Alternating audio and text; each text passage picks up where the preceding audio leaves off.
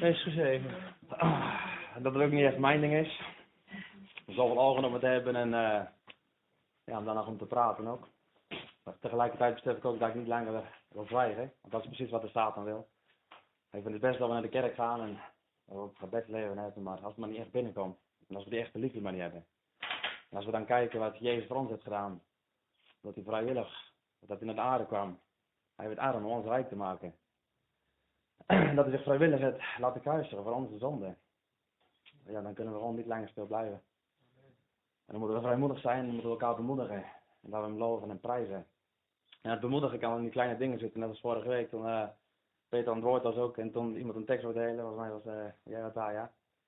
En hij die tekst deelde, ja, die tekst kwam niet zo bij mij binnen als hij bij jou binnenkwam. Maar je bemoedigde me wel dat het zo moet wezen. Dat we gewoon wat moeten delen als, we, hè, het op het hart ligt. Daar worden vrij van.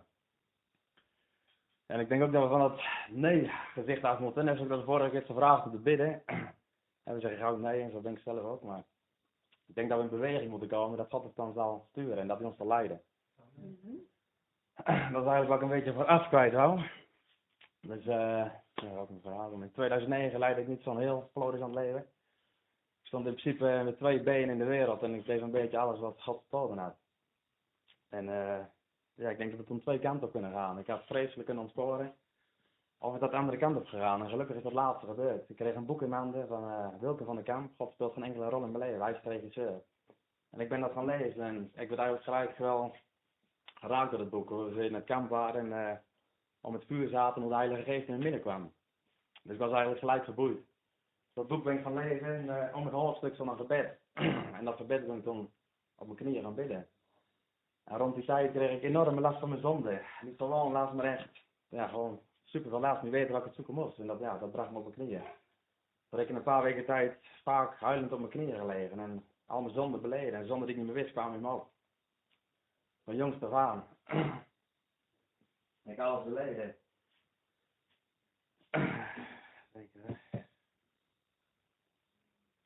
Lekker uit.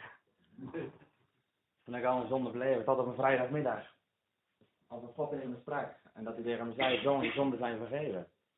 En alsof hij in de kamer was. Hij zei het natuurlijk niet echt, maar hij legde het in mijn hart. Ik voelde het en ik wist het. En ik kreeg een warm gevoel. En ik heb kippenvel over mijn hele lichaam. En die totale rust die ik mocht ervaren. Alles lasten van de schouders af. Dat was een heerlijk moment. En ja, klaar met het gebed natuurlijk. En ja, heel mooi voor is als ik weet nog dat ik naar beneden ging en beneden in de kamer liep van ja, dit is het weet je wel, hier wil ik verder mee. Maar op een gegeven moment weer in de kamer en dan sta je met twee benen op de grond en dan denk je ja, en nu verder. Dus dan ja, God heeft zo lang op mij gewacht en dan krijg je een ervaring en dan wil jij het gelijk. En zo werkt het helaas gelukkig niet, of helaas ook niet. Dus toen ben ik in januari in de Bijbel beginnen te lezen. En uh, ja, heb ik vaak door geraakt en toen kwam ik echt binnen. En in het begin van het jaar kreeg ik ook enorme, ja, enorme stemmen in mijn hoofd, laten we zeggen. Uh, aanvallen. Gewoon stemmen in je hoofd, weet je wel. Dan, dan gaat de Satan niet vechten, dat, dat werd me wel duidelijk. En zo'n drie kwart jaar later keek ik terug wat er allemaal veranderd was. En er was echt super veel veranderd, zonder dat ik er zelf enige moeite voor had gedaan. Want ik was een stuk rustiger geworden en ik een hoop zonde waren uit mijn leven gedaan. En ik was in dat jaar ook op mannen overheen gegaan en ik ben toen het avondmaal gaan. Maar op een kwam, ja, eigenlijk kwam ik toch niet helemaal los van de wereld. En op een gegeven moment ga je eigenlijk voor de gek houden van, ja, je kunt wel weer een keer weg of je kunt dit wel weer. En van het een komt het andere en je bezet je eigenlijk keer en wordt weer een keer drugs gebruikt. En dat kan gewoon absoluut niet. We kunnen niet God en de wereld tegelijk dienen, want dat, uh, dat gaat niet. Dan kunnen we niet geestelijk groeien. Als we niet rein en heilig voor God leven, dat is mijn ervaring dan, dan kunnen we niet geestelijk groeien. En dan stagneert dat. En als we niet uitkijken, wordt nog een dalende lijn ook. Dus zo is dat uh, een paar jaar eigenlijk heen en weer gegaan. En ik had wel een trouwe kerkgang en een gebedsleven, maar ja, ik kwam gewoon niet meer echt binnen. In principe, je eerste liefde was gewoon weg. Dat uh, kwam niet meer aan. Ik denk dat dat gevaarlijk is, dat we daar moeten waken. En zo is dat een beetje doorgegaan tot uh, dit jaar. Ik ben lid geworden van de genade En ik hoorde die verhaal natuurlijk van vorig jaar de mannendag. Met die genade was toen ook wel ontstaan van Amelius, dat we televisie heb gezien. Ja, dat raakt me eigenlijk wel. En zo word ik ook van de genadebank. Ja, en toen ben ik daar uh, enkele poosje geleden wat spullen gaan brengen. En er kwam was Amelius liep daar. Of Amelius, Marinus. En toen kwam ik daar in gesprek met Marines. En toen hebben een poosje daar zitten praten in de kantine. Gewoon over het geloof en over het doop en over die mannen daar ook wat er, ja, wat er allemaal van uh, gekomen was. En toen gingen we naar huis toe en het was eigenlijk jaloers maken. Hij erover sprak ze openlijk en uh, ja, het deed wel wat. Dus ik was thuisgekomen. Toen ik me gelijk ingeschreven voor de mannendag. En later kreeg ik nog een berichtje van hem van uh, ja, fijn dat je naast gesprek en uh, je bent welkom voor een bakje en een praatje. Ja. Dat doet je dan toch eens op. Dus zo kwam ook over de genade EP en dat we ons verzamelden bij de Immanuelkerk. Dat was zaterdag 20 september dan. En toen zouden we daar om 9 uur verzamelen om met elkaar op te fietsen naar uh, de Mannenweg. Dus we zijn gaan fietsen, we kwamen op een bij de kooi aan. Daar zijn we gestopt en er werd gemeld, ja, we gaan in de kring, we gaan bidden. De beurt. Ik dacht, nee, jij begint opnieuw aan. ja. Oh ja, en toen werd ook gemeld dat je ook allemaal kon zeggen en dat was de volgende. Dus ja, gelukkig. Dus we gingen in een kring staan hè, om elkaar en ja, we begonnen te bidden en dan was er gebed en gebed en gebed en gebed. Ik denk, hè, en je hoofd, er kwam alles in mijn hoofd op van, nou, iedereen bid, wat moet ik zeggen? Wat moet ik zo zeggen? En uh, ja, je maakt je eigenlijk een beetje gek, laat me zeggen. En toen kwam er ook een amen en ik dacht, ja, dat kan toch ook in een kort gebed. Nou, prima. Ondertussen had ik wel een beetje bedacht wat ik wou zeggen. En uh, op een gegeven moment was mijn buurman geweest. Ja, en toen begon ik toch te praten. En ja, op het moment dat ik begon te praten, wilde ik mijn hart in mijn keel bonken. Ik denk, ga ik doen, joh. En ik begon te zweten. Ik denk, wist ik was gelijk de tekst kwijt wat ik eigenlijk wil zeggen. Maar het is er toch uitgekomen. In principe op de automatische plaat. Ik weet ook nog wat ik bidden van, vader, mogen we een fijne dag hebben met elkaar. En mogen we geraakt worden door uw woord. Maar zoveel kracht en liefde van uitgaat. En ja, of, of ik geraakt ben. dus we gingen uh, op de fiets weer naar Amersfoort toe. We waren aangekomen. De eerste spreker was uh, Jan Paul. Ja, die had het, uh, laat me zeggen, over, over die, die passie voor God. Ik had dat er zo'n passie voor God en toen hadden we pauze. En toen ik later met Hilko te praten en dan kwam er nog iemand bij staan. En we stonden even te praten. En toen vroeg hij mij, ken je dat ook, die passie voor God? Ja, ik dacht, ja, eigenlijk niet. Dat is niet meer in ieder geval. En ik vertelde dus ik dacht, ik vertelde het verhaal uit 2009 wat ik mee had gemaakt. En ik vertelde ook dat ik het eigenlijk tegen weinig mensen nog verteld. Want ik had wel tegen wat mensen verteld in mijn omgeving, maar ik had het nooit echt, ik had er nooit van getuigd laten zeggen. En toen zei ik, nou, misschien moet ik dat vaker gaan doen. En ik dacht, ja, waarom heb ik het eigenlijk niet vaker gedaan? Dus dat zette me wel aan het denken. En uh, ja, het was de pauze voorbij. Toen was het tweede spreker Gert Hutten, en die had het over openbaring aan de brief, aan de, brief aan uh, de gemeentes, aan Efeze en Laodicea dat ze de eerste liefde waren verloren. En dat als je lauw bent, dat je uitgespuugd wordt. En ja, en ik, ik kende me daar wel in. Ik dacht, ja, dat schrijft dit aan ons. Of die brieven kunnen we ook op ons persoonlijke leven trekken. En ik moest, ja, erachter komen dat ik toch wel was worden. En dat we dan uitgespuugd worden. En dat uh, is niet wat we willen. En wat ook wel mooi was, dat we later met z'n allen op de knieën gingen. Met 600, 700 man. En dat we gingen bidden. Dat was super mooi. Later hadden we weer pauze.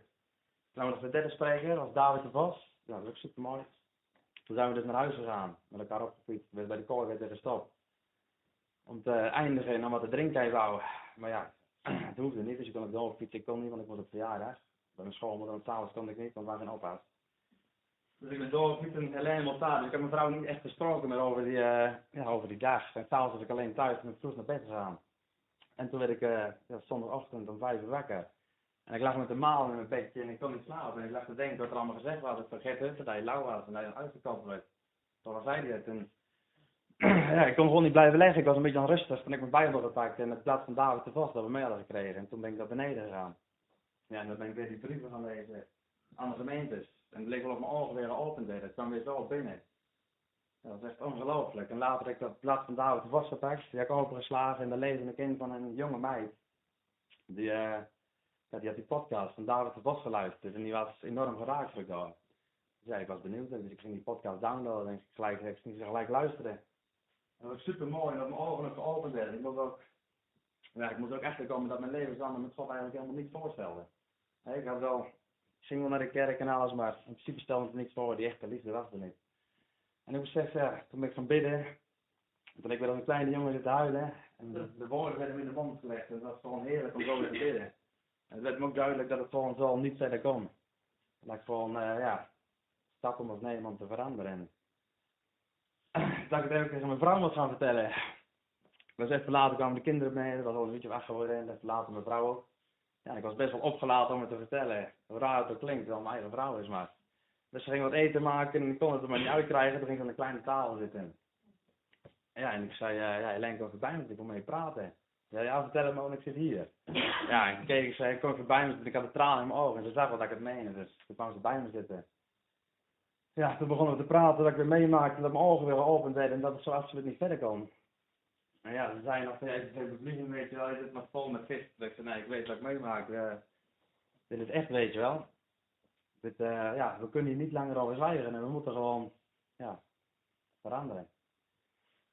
Dus alles best wel, ja, ik denk ik kan beter op gaan schrijven. Uh, dus ik ben naar boven gegaan, ik ben achter de computer gaan zitten en ik ben dat hele verhaal uh, op gaan schrijven. Jezus staat centraal.nl. Jezuscentraal.nl. Ja, dit is de website. Daar heb ik het opgezet. Jezuscentraal.nl. maar ja, tijdens het schrijven kreeg ik alweer aanvechtingen en al ja, we ben je mee bezig en dat moeten ze wel niet denken, weet je wel. Ga je doen en ja, hoe nu verder weer. En nog geen 20 seconden later ik mijn telefoon weer. Ja, dan net juist de genade toe. Dat was een mooi bericht, ik had het meegenomen. Ik gewoon nee. Dan ben ik weer ontzettend op mijn moeder.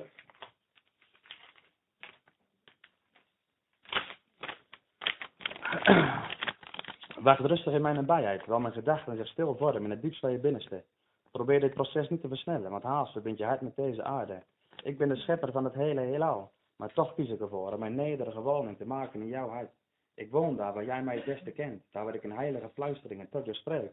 Vraag mijn geest je gedachten te stillen, zodat jij het gefluister van mijn stille stem in jou kunt verstaan. Ik spreek voortdurend tegen je, woorden van leven, vrede en liefde. Stel je hart open om deze boodschap van overvloedige zegen te ontvangen. Wend je tot mij en wacht vol verwachting.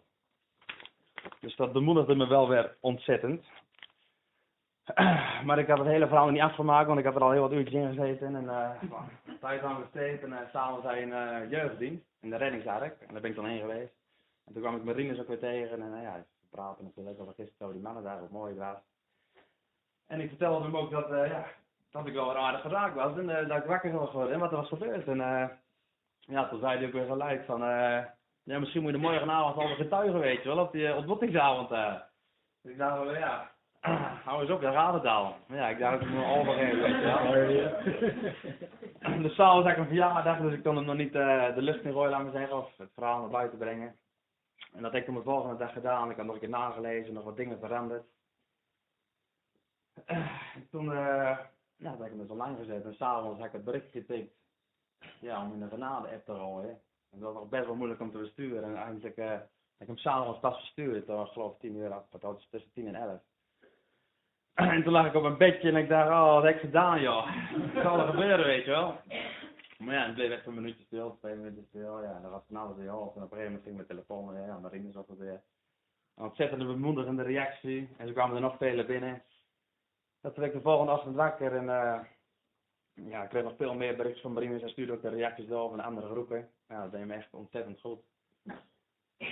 En later heb ik het ook uh, ja, de vriendengroep ingegooid, laten we zeggen. Ook bekend gemaakt en ik heb het op Facebook gezet. Ik denk ik kan beter gewoon helemaal doen. En dan zie ik het wel wat heen gaat en welke deuren er geopend worden. Ja, dus, stoel op bankje staan. Precies, vooruit. Een paar getuigen. Ja, en dat was dus vorige week maandag. En in die anderhalve week is alweer, deze anderhalve week is echt al super veel veranderd. Ik ben toen die dinsdag naar die ontmoetingsavond geweest en dat was echt super mooi hoor. Ja, vorige woensdag kwam ik hier dan voor het eerst en daar, daar sta ik nu ook hier te praten. Ja, vorige week kreeg ik ook enorme last van, uh, ja, ik werk voor mezelf en ik wil klanten zwijgen en ik kreeg daar enorme last van. En ik, ik ben toen in de Bijbel gaan lezen ook en ik kwam precies bij Romeinen 13 uit. En dat was voor mij ook een bevestiging dat dat niet meer kon. Vorige week al mijn klanten verteld dat ik uh, ja, gewoon absoluut niet meer zwijgen wil werken.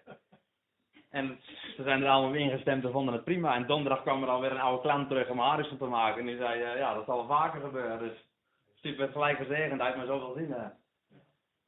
En, ja, ik had ook uh, kastjes, streamingkastjes, films te streamen, andere kastjes met alle tv-zenders en ik heb ook allemaal weggedaan, want hoe schuldig het ook lijkt, ja, we kunnen als christen zijn en kunnen ons niet over hem inlaten. Het is gewoon pure vergif wat onze woonkamers binnenkomt, en vooral met onze kinderen. We moeten echt selectief wezen waar we naar kijken. Dus en, ja, waar het nu gaat eindigen en waar het heen gaat, weet ik ook niet. Nou, het ik bid ervoor en... Uh...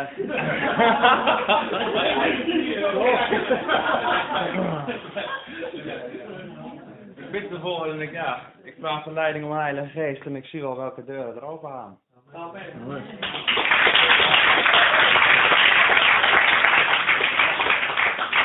Ik ga even op voor je bidden. Want eh, Ja. ik, ik hoor het verhaal, ik denk eh, we gaan bidden dat het blijvend is. Geen 2009 ervaring. Precies. En dat het alleen maar gaat, eh, gaat knallen. Mooi verhaal. Super. Iedereen meebidden? Vader, dank u wel voor dit prachtige getuigenis. Dank u voor Johan. Heer, dank u dat u hem vult en krachtig aanraakt met uw geest. Dat u hem steeds meer sterker en sterker en sterker gaat maken. Dank u dat de honger voor het woord zal, eh, niet te stillen zal zijn.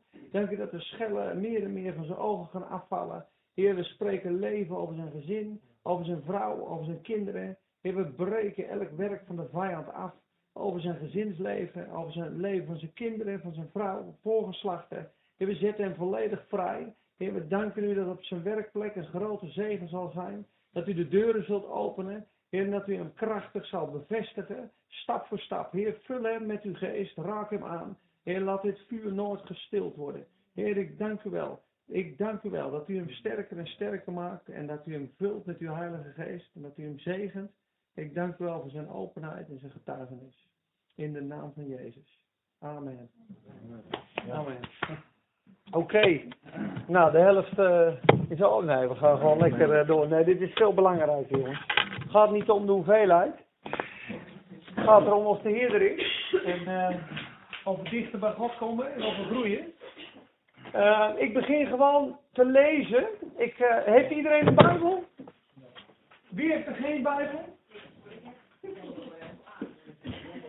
Eén, twee. Ja. Jij een Bijbel? Wie heeft er geen Bijbel? Johan. Wie heeft er nog meer geen Bijbel? Oké. We gaan, we gaan wat teksten lezen. En vanaf dat punt eh, zullen we wel zien hoe het gaat. Ik zal van deze er ook bij pakken. We beginnen in Efeze.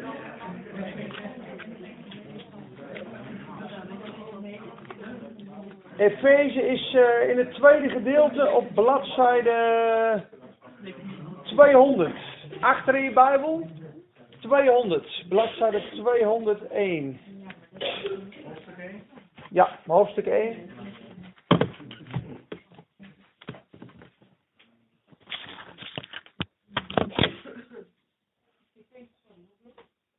Bladzijde 200. Ja, in het achter in je Bijbeltje. Dus het, eh, begint, de telling begint weer opnieuw ergens. Ja. Hij loopt tot, eh, tot 1000 ongeveer en dan begint hij weer opnieuw. Ja, 980 en dan begint hij weer op 0. En dan is het 201. Efeze.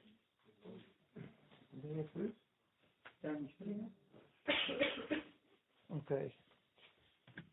Eh, ik begin even in vers 3 en dan lees ik tot vers 10.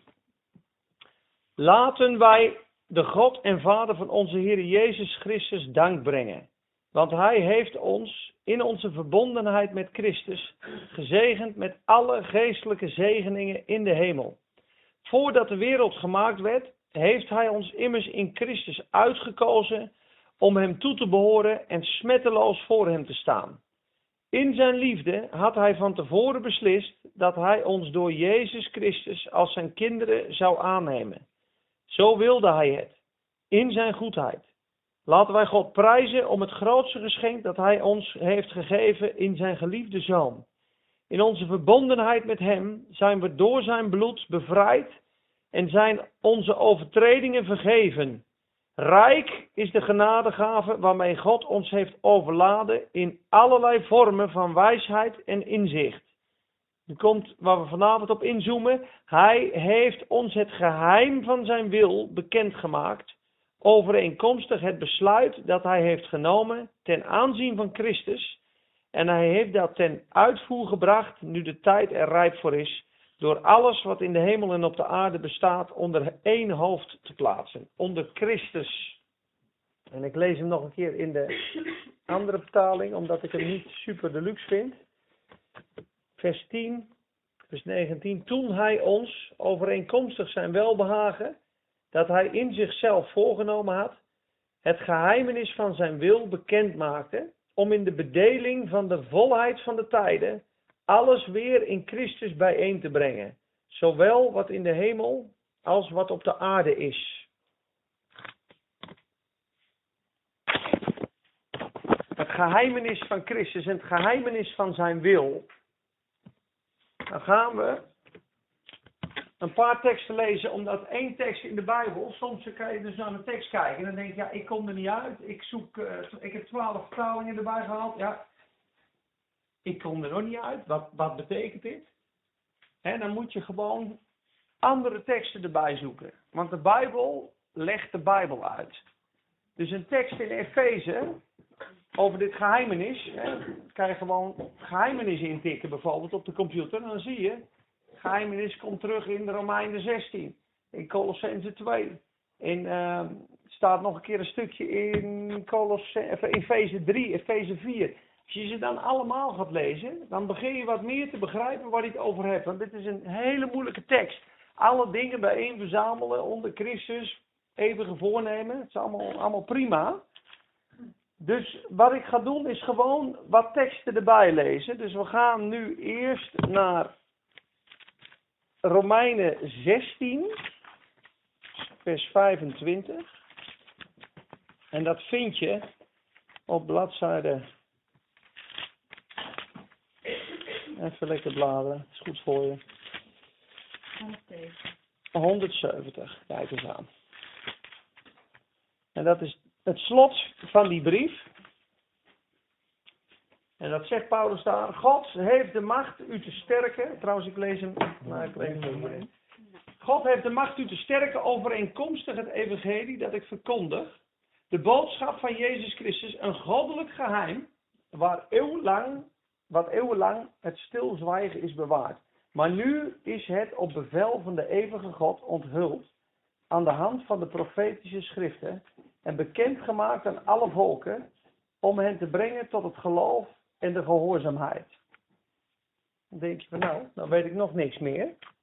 Romeinen 16. Het is een geheimenis wat voor eeuwen verborgen was. Het is nu geopenbaard door heilige schriften en profeten.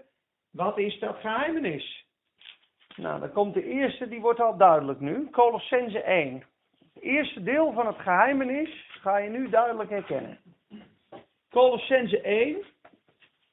Een stukje verder. Ik lees zelf van de herziene statenvertaling. Ik vind die andere wat minder.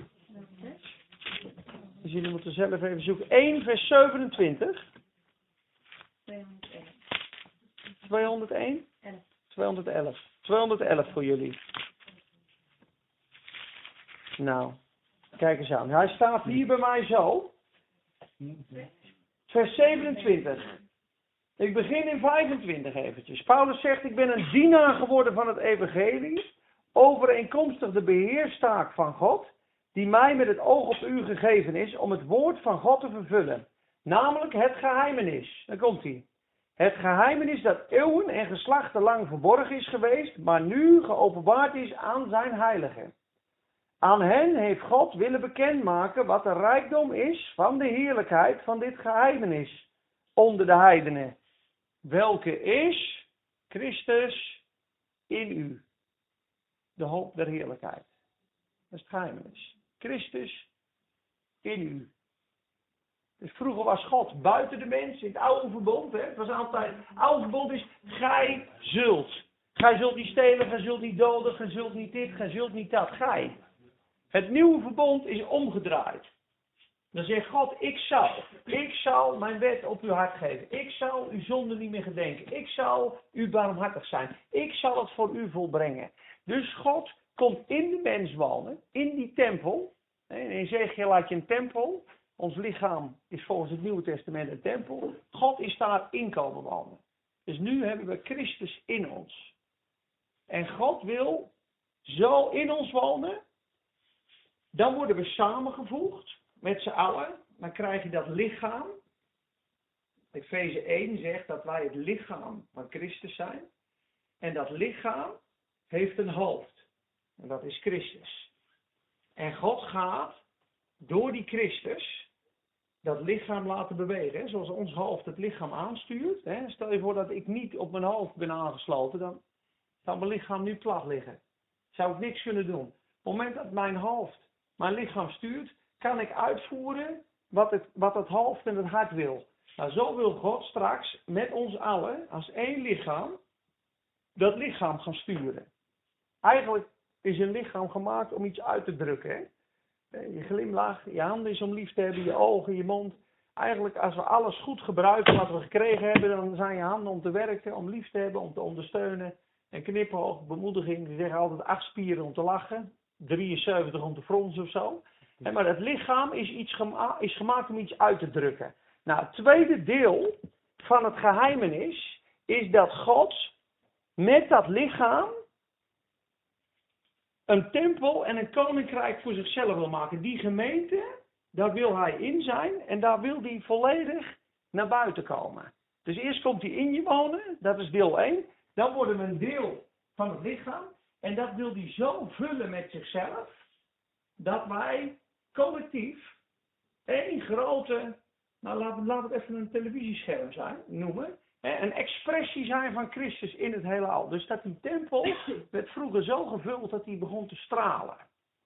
Nou, als je dus dit volgt, en dat gaan we zo lezen, dan zou dat lichaam wordt samengevoegd door banden en pezen.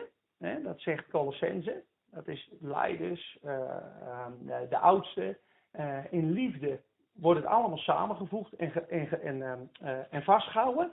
Dan komt Gods genade en groeit dat lichaam op. Op een gegeven moment wordt dat een volwassen man. Nou, dan lezen we een klein stukje boek terug. Gaan we naar Efeze 3. En dan komen we bij het tweede gedeelte van het geheim. Dus het eerste gedeelte van het geheim is Christus in u. God wil mensen vullen met zichzelf. Dat is het hoofddoel van God. Ik heb al vaker gezegd, de vier factoren van het succes van God, het ultieme succes van God, is eerst het kruis introduceren, dus een einde maken aan de oude schepping. Dan verbindt hij zijn naam eraan, dus eerst het kruis introduceren. Ja. Dan wil hij mensen leegmaken van hunzelf en vullen met Christus. Gods succes is eigenlijk, hij wil alles vullen met Christus. Vul, vol met de Heilige Geest. Als je God wil in een notendop, vol met de Heilige Geest. Iemand die leeg is, wordt vervuld met de Heilige Geest. Gods wil in een notendop. Ken je iemand die leeg is? Er is maar één gebed dat altijd verhoord wordt. Gebed van de Heilige Geest. Nou, als je veel vol bent met de Heilige Geest, dan ben je op een hele goede plek. Dan begint het. Nou komen we in, in Efeze. Gaan we naar Efeze hoofdstuk 3. Ik ga trouwens even erbij zitten, jongens. Ik vind dat Bijbelstudie in deze vind ik zitten heel fijn. Lekker hier zitten. Zo. Meer preken, meer onderwijzen. Dit is veel lekkerder. Zo, lekker samen bladeren. Hoofdstuk 3. Daarom bid ik, Paulus, de gevangene van Christus Jezus, voor u niet-Joden. U hebt toch gehoord van de taak die God mij in zijn goedheid heeft opgedragen voor uw bestwil. Hij openbaarde mij zijn geheim. Daar heb je weer het geheim. Het geheim, zoals ik dat in het kort heb geschreven. Goed onthouden, we hebben vorige keer ook gezegd, hoofdstuk 1 en 2 bedoelt hij daarmee. Je zit in hoofdstuk 3. Hij zegt, ik heb u in het kort hiervoor geschreven het geheimenis. Als u dat leest, kunt u kijken en inzien hoeveel verstand ik heb in het geheimenis. Dat staat er, hè? nu kunt u, wanneer u dit leest, een denkbeeld vormen van mijn inzicht in het geheim van Christus. Is wat, hè? Dus het grote geheim van Christus, wat Paulus ontdekt heeft, één man in de eeuwigheid die je dat hebt mogen zien, we lezen in, in 2 Korinthe 11 en 2 Korinthe 12, eh, neem niet kwalijk, 2 Korinthe 12, dat hij opgetrokken geweest is in de derde hemel. 14 jaar geleden zegt hij, ik kende een man, ik weet niet of het in het lichaam was of buiten het lichaam, maar zodanig is opgetrokken geweest in de derde hemel en heeft daar dingen gezien, en, eh, onuitsprekelijke dingen zelfs. Op een gegeven moment zegt hij, ik ben zelfs weggevoerd naar het paradijs onder de hemelen. Er zijn twee plekken waar hij over praat. Daar heb ik dingen gezien die het niet waardig zijn om een mens uit te spreken. Maar ik heb daar tal van openbaringen en dingen gezien. Jezus heeft daar het geheimenis aan Paulus geopenbaard over de gemeente. Over de kerk, over die bruid, over die stad. Dat hoofddoel en dat geheimenis. En dat heb ik in het kort hiervoor geschreven. Efeze 1, Efeze 2. Die hoofdstukken zou je moeten dromen. Ik zou zeggen, je een kamer hebt waar op de muur mag schrijven, schrijf hoofdstuk 1 en 2 uit.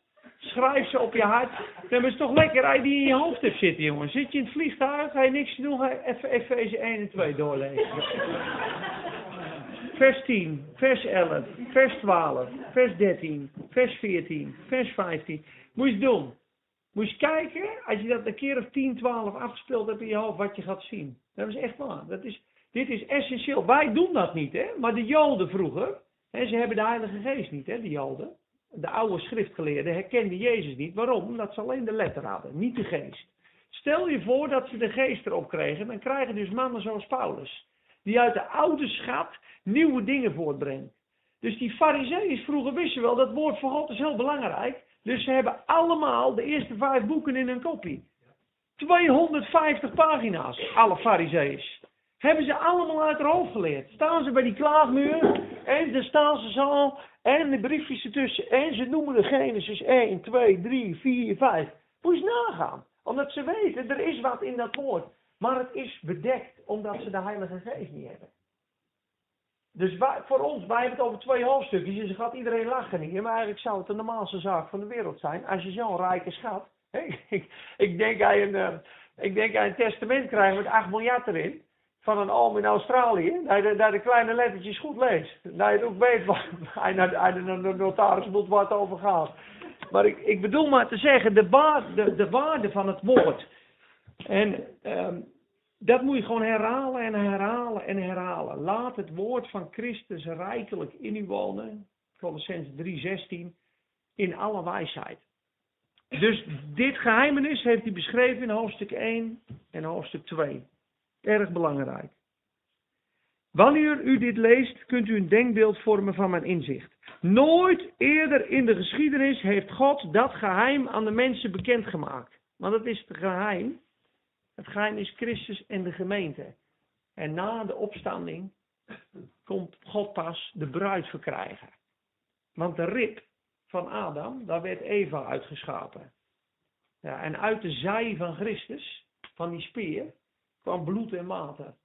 En daar kwam het geestelijke leven van de gemeente. Dus uit de zij van Christus is de gemeente ontstaan. Dat is een beeld daarvan. Dus de eerste gemeente zijn pas de mensen die opnieuw geboren zijn. En wie werd er op eerst opnieuw geboren? Op Pinksterdag. Maar de eerste mensen die opnieuw geboren werden. Dat was het ontstaan van de gemeente. Het ontstaan van de bruid. En niemand wist eigenlijk nog precies waar het toen over ging. Totdat Paulus in 45 eh, de eerste brieven begon te schrijven en dat begon te preken. Paulus heeft meer inzicht en openbaring van Jezus ontvangen dan bijvoorbeeld de discipelen die met de Heer liepen aan het begin. Dan zegt Petrus zegt achter in zijn brieven, onze geliefde broeder Paulus, naar de wijsheid die hem gegeven heeft, is, heeft in elke zendingsbrief hierover gesproken, waarin sommige dingen zeer moeilijk zijn te verstaan. Zegt Petrus over Paulus. Peter, Paulus kwam ook na 14 jaar terug bij Petrus, 15 dagen, staat er in Galaten, om met hem te praten. Paulus had een gigantisch inzicht. En daarom had hij ook een doorn in zijn vlees. Omdat hij zo wijs en zo slim was, dat God zei, luister vriend, jij weet zoveel. Als ik jou niet klein hou, dan ga je echt naast je schoenen lopen. Want dan kom je ergens, wie zijn jullie? Ik heb de Heer gezien, ik weet alles. Maar Paulus was heel zwak. Hij had constant moeilijkheden, constant problemen. Hij heeft die doorn in zijn vlees gehad, opdat ik mij niet al te zeer verheffen zou vanwege de tal van openbaringen die mij gegeven zijn. Dus die wist echt heel veel. Nou, dat, dus, dus het was nooit eerder bekendgemaakt, omdat het over de gemeente gaat. Maar in deze tijd heeft hij het door de geest aan zijn heilige apostelen en profeten openbaar gemaakt. Door de geest. Elke openbaring komt door de geest. Daarom wordt vervuld. De niet-Joden delen door hun verbondenheid met Christus Jezus samen met de Joden in de erfenis. De erfenis is ook weer de geest. En het worden als Jezus. En zij maken met hen deel uit van hetzelfde lichaam en hebben met hen deel aan de belofte door middel van het evangelie. Vers 7. Van dat evangelie ben ik de dienaar geworden. Een voorrecht dat God mij onverdiend verleend heeft door zijn kracht die in mij werkt. En hier zie je hoe nederig die is. Hè? Aan mij de minste van alle die hem toebehoren. Paulus zegt, ik ben de minste van alle die hem toebehoren. Zo klein was hij. En dat geloofde hij dus echt. Is deze genade verleend? Is dit voorrecht verleend? Om de niet-Joden het grote nieuws te verkondigen van de onpeilbare rijkdom van Christus. Ja, en hij zegt hier heel mooi in, in hoofdstuk 3 vers 9 wat zijn taak is. Om alle mensen te verlichten. En dat ben ik dus op dit moment ook probeer ik eh, te doen. Dit, dit is eigenlijk hetzelfde wat ik probeer te doen. Om allen te verlichten dat ze mogen begrijpen wat de gemeenschap van dit geheimenis inhoudt. Dat door de eeuwen verborgen is geweest in God, die alle dingen geschapen heeft door Jezus Christus. Dus dit is deel 2 van het geheimenis. Geheimenis deel 1, Christus in u.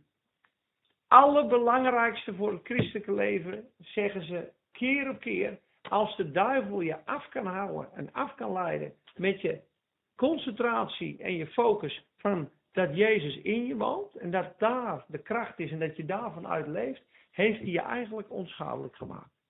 Want wat gebeurt er? Uh, 2 Korinthe 13 vers 5. Toets uzelf of gij in het geloof bent. Weet gij niet dat Jezus Christus in u woont? Met andere woorden, het geloof is rusten op de Jezus die in je woont. Dus je wandelt, wat hebben we gezongen? Wandel in het licht met Jezus. En ik luister naar zijn dierbare stem. Je had het net ook over de zachte fluisteringen van zijn heilige stem in je binnenste. Dus eigenlijk is het christelijke leven is luisteren naar de inwendige stem van God. En mensen die dus heel dicht met hem wandelen, die kun je dus in de supermarkt, kun je dus in je hart stilletjes luisteren bidden. Heer, ik dank u wel van binnen. Ik wandel het licht Jezus. Is dus veel meer dit dan wat moet doen. Nou, eerst de uitwendige dienen van God was vroeger uitwendig. Hij heeft zijn wet gegeven, zijn regels. Dit, dit, dit, dit, dit moet je doen. Nou, dat gaan we dan doen. Want hij was niet in hem. En nu is de Heer dus in je. En als Satan je daar vandaan kan leiden, ga je dus van het nieuwe verbond terug in het oude verbond. Kom je gelijk weer onder de wet. Kom je vanuit de geest, vanuit de vrede in. Ja, uh, gebeurt heel vaak. Zie meester. Hij is al bij je. Hij gaat je nooit meer verlaten. Hij is in je. Dat is de essentie en het belangrijkste punt van een wandel van een christen. Ik heb vorig jaar ook gezegd, vorig jaar, vorige seizoen, Madame Guyon een vrouw in Frankrijk, 1600 leefde ze. Die was heel erg op zoek naar God altijd. Die was best wel depressief. Ze had altijd last van de zonde. Ze schoot altijd tekort. En ze was op een gegeven moment ten einde raad. Toen kwam er een dokter bij hun thuis. En toen had haar moeder gevraagd. Meneer de dokter, u bent ook christen. Mijn dochter die, die is ontzettend, ja, ze is altijd wel met God bezig, maar ze is zo te neergeslagen. Hebt u niet, kunnen u eens niet met haar praten? Dan had hij met haar gepraat. En het eindconclusie van hem was, jonge dame, ik denk dat wat jij zoekt, dat je dat hier van buiten zoekt, dat het van binnen zit. Ik denk dat je zoekt wat, buiten, wat binnen is, dat zoek jij buiten. Dat is wat hij zei. Toen heeft die vrouw, dat jonge meid, is gaan, die Christus gaan ontdekken. Galaten 1, vers 16. Toen het God behaagd heeft om zijn zoon in mij te openbaren. Aan Paulus, hè, met al zijn kennis. Hebreeën der Hebreeën. Bijbelkennis, tiende griffel. Ik zou gewoon verbleken bij de Bijbelkennis van Paulus. Vervolgen van de gemeente. Totaal verblind. Afkomst, Hebreeër van Hebreeën. Sneeën, achtste dag. Ja, alles wist hij. Alles van hij. Opgegroeid aan de voeten van Gamaliel. Zo blind als een mol. Totdat God zijn zoon in hem begon te openbaren. Hij begon te lezen. Dat deed Madame Gouillon En ze heeft op een gegeven moment de boek, het boek geschreven, De diepten van Jezus Christus ervaren. Experiencing the depths of Jesus Christ. Dat boek staat al 400 jaar op nummer 1 en nummer 2 van de all-time Golden Classics. Omdat het is met de inspanning van ademen communiceren met God. Dus leven in de tegenwoordigheid van God met de inspanning van ademen. Dat had zij ontdekt. Praying under the breath of your tongue. En zij heeft dus vervolgingen meegemaakt op die Ze is de vader verloren, de man verloren, de kinderen verloren. Eh, door Lodewijk XIV in de kerken gezet. De boeken werden verbrand. Ze is vervolgd. Ze is opgejaagd. En er staat op dat boek de vrouw die Christus te veel lief had. Met andere woorden, ja, te veel, dat kan natuurlijk niet. Maar ze had hem zo lief. En zij had ontdekt Christus in je. Klinkt heel simpel, maar het is absoluut de meest essentiële sleutel voor ons allemaal als christen. En hij is constant bezig, Satan, om je daar vandaan te halen. Zullen we eens lezen hoe hij dat doet? Colossense, net voor dat stukje van Christus in u, zegt hij dat. En dat is de hoop der heerlijkheid, Christus in u. En dat betekent, de hoop der heerlijkheid, de hoop is de vaste, vreugdevolle, zekere verwachting. Bijbelse hoop. Vaste, vreugdevolle, zekere verwachting dat het gaat gebeuren. Dus de hoop van de heerlijkheid, dat je dus het karakter en de liefde van God zal gaan weerspiegelen, is Christus in u. Nou, hij zegt, Colossense 1, vers. Even kijken hoor. Uh, ik ga het even naar deze weer terug. 2.11, ja. 2.11. Nou, ik lees hem wel even in de, in de groot nieuws. Even kijken hoor. Ja, en het begin in vers 22. Maar nu heeft hij door Christus sterfelijk lichaam, door zijn dood, u met zichzelf verzoend, opdat u heilig, smetteloos en zonder schuld voor hem zult staan. Dat kan alleen als u stevig gefundeerd blijft in het geloof en u niet laat afbrengen van de hoop waarover u in het evangelie gehoord hebt. Nu lees ik hem in de andere vertaling. Als u tenminste in het geloof blijft, gefundeerd en vast en u niet laat afbrengen van de hoop van het evangelie. Ja, let op. U laat u niet afbrengen van de hoop van het evangelie. Dan gaan we verder lezen, vers 27. Het geheimenis van de heidenen is Christus in u, de hoop der heerlijkheid. Dus de hoop van het evangelie en de hoop der heerlijkheid zijn één en hetzelfde iets. Dat is Christus in u. Dus hij zegt, blijf gefundeerd en vast in deze wereld en laat u niet afbrengen van deze hoop van het evangelie. Wat is de hoop van het evangelie? Dat Christus het in jou doet. Dat hij het voor je doet. De motor is in je. We worden allemaal opgegroeid, alle religies, wetten en regels. Doe dit, doe dit, doe dit en je vindt vrede met God. Doe dit, doe dit en vind vrede met God. Vijf keer bidden. 300 jaar op, 30 jaar op één been staan in India. Bid tot dit God, bid tot die God. Doe dit, doe dat. Het zijn allemaal pogingen van religie. Doe dingen om bij God te komen. Ja? En het is religie, het brengt de dood en het leidt je af van, de, van het evangelie. De hoop van het evangelie is Christus in u, is dus een leven van rusten. Heer, ik dank u wel. U bent in mij. En alle dingen die ik niet kan, en dat is alles, en ik kan helemaal niks zonder u, doet u in mij. Dus het is meer een erkennen. Ik ben gestorven met Christus. Ik staak mijn pogingen. Ik staak om mijn best te doen. Ik staak om te proberen God te behagen. Is wat? Nou, ik wil, ik, ik wil doen, dit. Allemaal oude natuur. Allemaal oude mensen.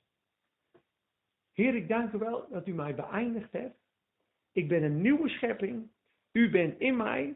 U leeft uw leven in mij. U bent Christus in mij. Dit is mijn hoop. Dit is de hoop der heerlijkheid. Dit is de hoop van het evangelie. Heer, u bent in mij. Heer, neem het over. Neem mijn gedachten. Vul mij met uw geest. Hij wil ons vullen. Vul mijn gedachten met uw geest. Vul deze dag met uw geest. Geef mij de woorden, bid Johan. Waarom? Omdat we zelf geen woorden hebben. Waarom bidden we s'morgens? Omdat je niks kan. Omdat je natuurlijk denkt en natuurlijk praat. Heer, zegen op mijn werk. Want als ik het doe, raak ik gefrustreerd, loopt het in de war. Doet het in mij, heren. Heer, die moeilijke collega. Ik word hem zat, maar ik zegen hem in uw kracht. Heer, ik dank u wel, u bent in mij. U bent mijn leven. Dat zongen we. Tweede lied van Martijn. Is allemaal toepasselijk. Heer, u bent mijn leven. Heer, u bent mijn leven. Dat is ontzettend belangrijk. En dat moeten we keer op keer horen. Want we worden overal verteld dat we dingen moeten doen. Houd zijn geboden. Ja, maar hoe? De kracht van de Heilige Geest. Oké. Christus in u de hoop der heerlijkheid. Twee aspecten van het mysterie. Vier bedelingen heb ik hier staan. Dat is ook wel leuk om even te delen. Hoe lang hebben we nog? Oh, we hebben nog tien minuten. Staan en zitten. Uh, uh, vier bedelingen is altijd leuk om je Bijbel te interpreteren. Uh, omdat. Oh nee, laten we, het, laten het eerst zo. We gaan eerst handelingen 3, vers 19 tot 21 lezen. Dat is belangrijker. En dan gaan we zo weer terugkoppelen naar Efeze 1 vers 10. En dan zie je dat die omweg die we nu gemaakt hebben, dat je dan Efeze 1 vers 10 straks leest en dat je het vers wel begrijpt. Kleine omweg. We gaan nu naar handelingen. Ha handelingen 3. Ja, je bent top. Je bent snel, uh, Joyce. Handelingen 3. Vers 19 tot 21. En ik hoop dat die goed beschreven staat, want dat is een beetje het funeste met de groot nieuws. Dat sommige essentiële dingen een beetje verkeerd vertaald zijn. En dat is wel, vind ik, een beetje jammer. 19 tot 21. Begin dus een nieuw leven en keer terug tot God. Dan zullen uw zonden u worden kwijtgescholden. Dan zal de Heer zorgen dat de tijd aanbreekt dat alle druk zal zijn weggenomen. En zal hij de Christus zenden die hij voor u bestemd heeft. Jezus, hem die de hemel moest opnemen, tot de tijd dat alles vernieuwd wordt en waarover God door zijn heilige profeten van oudsher heeft gesproken. Is goed vertaald. Hij zegt, Jezus komt straks terug en dan gaat er een tijd aanbreken. In die tijd zal alles vernieuwd worden. Heel veel uitleggers zijn, nee, dat staat er niet. Eerst moet alles vernieuwd worden en dan komt Jezus terug. Maar dat staat er niet. En daarom geef ik je straks de vier bedelingen. Want er staat, hem moet de hemel ontvangen tot de tijden waarin alle dingen worden hersteld. Er staat niet tot de tijden waarin alle dingen worden hersteld vervuld zijn. Komt die terug, staat er niet. Hem moet de hemel ontvangen tot de tijden. Ja, tot de tijden. Wanneer zijn die tijden? Die komen nog. Tot de tijden waarin alle dingen worden hersteld. Ja? Ga verder. Dus er komt straks een tijd waarin alle dingen worden hersteld. Dat noemen ze de Age of Restoration. Ook wel duizend jaren vrederijk. Nou, Efeze 1 vers 10 zegt dat in de bedeling van de volheid van de tijden hij alles bijeen zou vergaderen, onder zichzelf en Christus als het hoofd maken over alles. Christus is alles en in allen, dat hij alle dingen vervullen zou. Dus Christus moet eerst in jouw persoonlijk leven centraal worden, dan in de gemeente, in de totale kerk, ja? dan in het universum, the centrality of Christ. En Christus moet centraal worden in alles. Dus Christus centraal is Gods plan. Mooi hè? JezusCentraal.nl Ja, bedoel Hey. Ja, ja. Ja, dat is de spijker op zijn kop. Gods droom is Jezus. Alles wat hij doet in ons leven gaat via de Zoon. God communiceert met mensen via de Zoon. God zegent via de Zoon. God praat via de Zoon. God, alles wat God doet, via de Zoon. Is Jezus er niet bij, is God er niet bij. In Christ. Staat alleen maar in feest. In Christus gezegend. In Christus vergeven. In Christus geheiligd. In Christus in erfenis. Buiten Christus is er niks. In Christus woont de volheid van God. In Christus zijn alle schatten van wijsheid en kennis en openbaring. In Christus is het genade en het geloof. In Christus het leven. In Christus de gemeente. En straks gaat dus die Jezus, alles wat niet in Christus is, veroordeeld worden. Eigenlijk heel simpel, hè? Het is de enige veilige schuilplaats, is in Christus. Dus die tijden gaan straks komen, de wederopbouwing van alle dingen. Daarom zijn er vier bedelingen. De eerste bedeling is de bedeling van de zonde, van de geboorte van Adam tot Mozes. Is de bedeling van eigenlijk de zonde, de pre-law, in Adam. Daarna van de zonde tot aan Christus is de bedeling van de wet, Mozes. Van Christus tot nu, hè, tot straks de wederkomst, is de bedeling der genade Gods. We leven in de genadetijd, hè, zeggen we altijd. Nou, in die genadetijd is God bezig ons te herstellen. Van binnenuit. Wat we nu zeggen, totdat Christus een gestalte in u krijgt. Ieder mens moet dus volledig onder de heerschappij van Christus komen. Als je wil groeien geestelijk, onderwerp je volledig aan Christus. En wij zijn gewoon mensen. Ah, vind ik wel mooi, Jezus, maar ik vind dit wel mooi en mooi en mooi. Het is een strijd om alles onder die heerschappij van Christus brengen. Want dat, dat, je lijkt, dat lijkt op verlies. En je hoofd zegt, nou, dan kan ik dit niet en dit niet en dit niet en dit niet. Terwijl de Bijbel zegt, alles wat je opgeeft, honderdvoudig. Godzaligheid heeft een grote vergelding in deze tijd en in de toekomstige tijd. Wie zijn zielenleven verliest, zal het vinden. Wie zichzelf verliest, zal het leven vinden. Het zijn allemaal leugens. Maar God wacht tot wij volledig onder de heerschappij van Christus komen. Dat wij als het lichaam onder zijn hoofd komen. Doe je dat nou in deze genadetijd? Ja? In de tijd totdat Jezus terugkomt. Zeg jij, Heer, doe maar wat je wil met mij. Maar één ding maak ik essentieel Christus centraal. Hij op nummer één in alles. Als je dat doet, krijg je deze zegen. Matthäus 19, vers 28. Nou, twee teksten. We hebben nog vijf minuten. Zetten de klok uh, stil. 19 vers 28. Dit zei hij. Uh, oh, we beginnen in 27. En het vers of uh, Matthäus is dan bladzijde 23. Kijk eens aan. Vers 27, let op. Petrus zeide, hé, hey, wij hebben wel alles verlaten om u te volgen. Wat krijgen wij dan?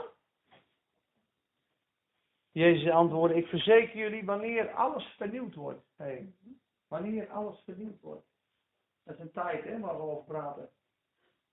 En de mensenzoon in al zijn majesteit op zijn troon zal zitten. Dat is in Jeruzalem straks, zichtbaar. Gaat Jezus duizend jaar regeren. Dan zullen jullie, die mij gevolgd zijn, plaatsnemen op twaalf tronen. En recht spreken over de stammen Israëls. Zei hij tegen Petrus. Omdat je mij gevolgd hebt en alles verlaten hebt, krijg je straks een koningschap van mij. Ken je dat nog met die talenten? Twee talenten, twee bijgemaakt. In het kleine zijt gij trouw. Over vier steden ik u stellen. Dus het is zo, mensen zijn hier mensen in deze zaal, die gaan Jezus dus zo volgen tot het einde toe, dat straks in die bedeling van die nieuwheid van die tijden, dat hij alles gaat herstellen, dan gaat hij dus alles onder Christus hoofd brengen. En het gaat zelfs met een wat harder aan als nu. Openbaring zegt, hij zal hen dan hoeden met een ijzeren staaf. Je wil niet luisteren. Maar ik ben majesteit en koning. Er staat zelfs wie in die tijd niet naar Jeruzalem zal komen om te aanbidden, over dat gedeelte van de aarde zal geen regen zijn. Is dat? Jezaja 11 en Jezaja 65. Jezaja 11 vers 1 tot 11 gaat daarover. En Jezaja 65. Even kijken. Vers 18 tot 21. Nee, volgens mij nog meer. Nou ja, 18 tot 25. Van 18 tot 25. De leeuw speelt met het lammetje. De Satan is gebonden, maar toch staat er, de zondaar zal als honderdjarige sterven. Dus iemand die overtreedt in die tijd, zal sterven. Maar de mensen worden weer duizend jaar in, dat, in die tijd. Maar er staat een jongeling zal honderd jaar zijn. Is wat? Dus voor de tijd met Noach en Methuselah, in die tijd, de mensen weer zo oud worden in die tijd. Dat is duizend jaar gelijk. De mensen die dus niet Jezus zo nagevolgd hebben dat hij hun nummer één in alles geworden is, die mogen in die tijd, in dat duizendjarige rijk gewoon leven. Ja. Maar die anderen, die als koning met hem heersen. We zijn alles gevolgd, we hebben alles verlaten. Twaalf tronen. En dan ga ik, spring ik zelf even naar openbaring 20 om dat te bevestigen. Dan hoef je niet mee te lezen. Even snel tussendoor. Openbaring 20, vers 4 tot 6 is ook zo'n stuk over die tronen. En dat gaat over mensen. Dan zegt Jezus, toen zag ik tronen. En aan hen die erop gezeten waren, was het gegeven om te oordelen. En ik zag de zielen van hen die onze hoofd waren, om hun trouw aan het getuigenis van God. Van Jezus en aan de boodschap van God. Dus die hebben gewoon met een, nou moet je nagaan dat Isis lang is komt. Ga jij buigen of ga je niet buigen? En dan ik zeggen, buigen? Over vijf minuten zit ik op de grond. ik zou zeggen, hakken maar. hakken maar.